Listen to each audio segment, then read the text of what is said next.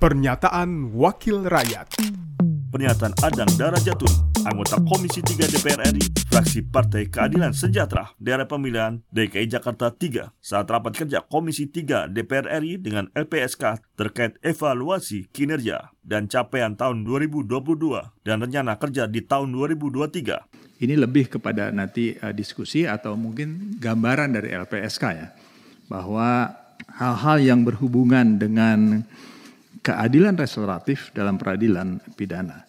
LPSK berharap implementasi restoratif justice tidak bergeser. Dan sekarang sudah mulai bergeser.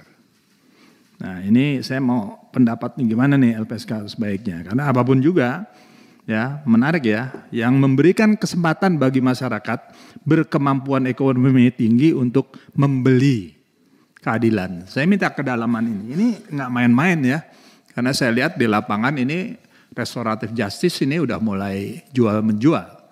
Jadi ya Anda atau maaf eh, LPSK sebagai lembaga negara tadi eh, kita akan dukung gitu ya. Jadi tadi menarik yang disampaikan oleh Pak Habibur Rahman bahwa LPSK itu lembaga negara. Jadi tugas kita juga Komisi 3 untuk melakukan pengawasan terhadap eh, lembaga-lembaga uh, atau uh, mitra kerja yang sudah memberikan rekomendasi atau dapat rekomendasi dari LPSK tapi tidak berjalan. Pernyataan Adang Darajatun, anggota Komisi 3 DPR RI, fraksi Partai Keadilan Sejahtera, daerah pemilihan DKI Jakarta 3, produksi TV dan radio Parlemen, Biro Pemerintahan Parlemen, Sekjen DPR RI.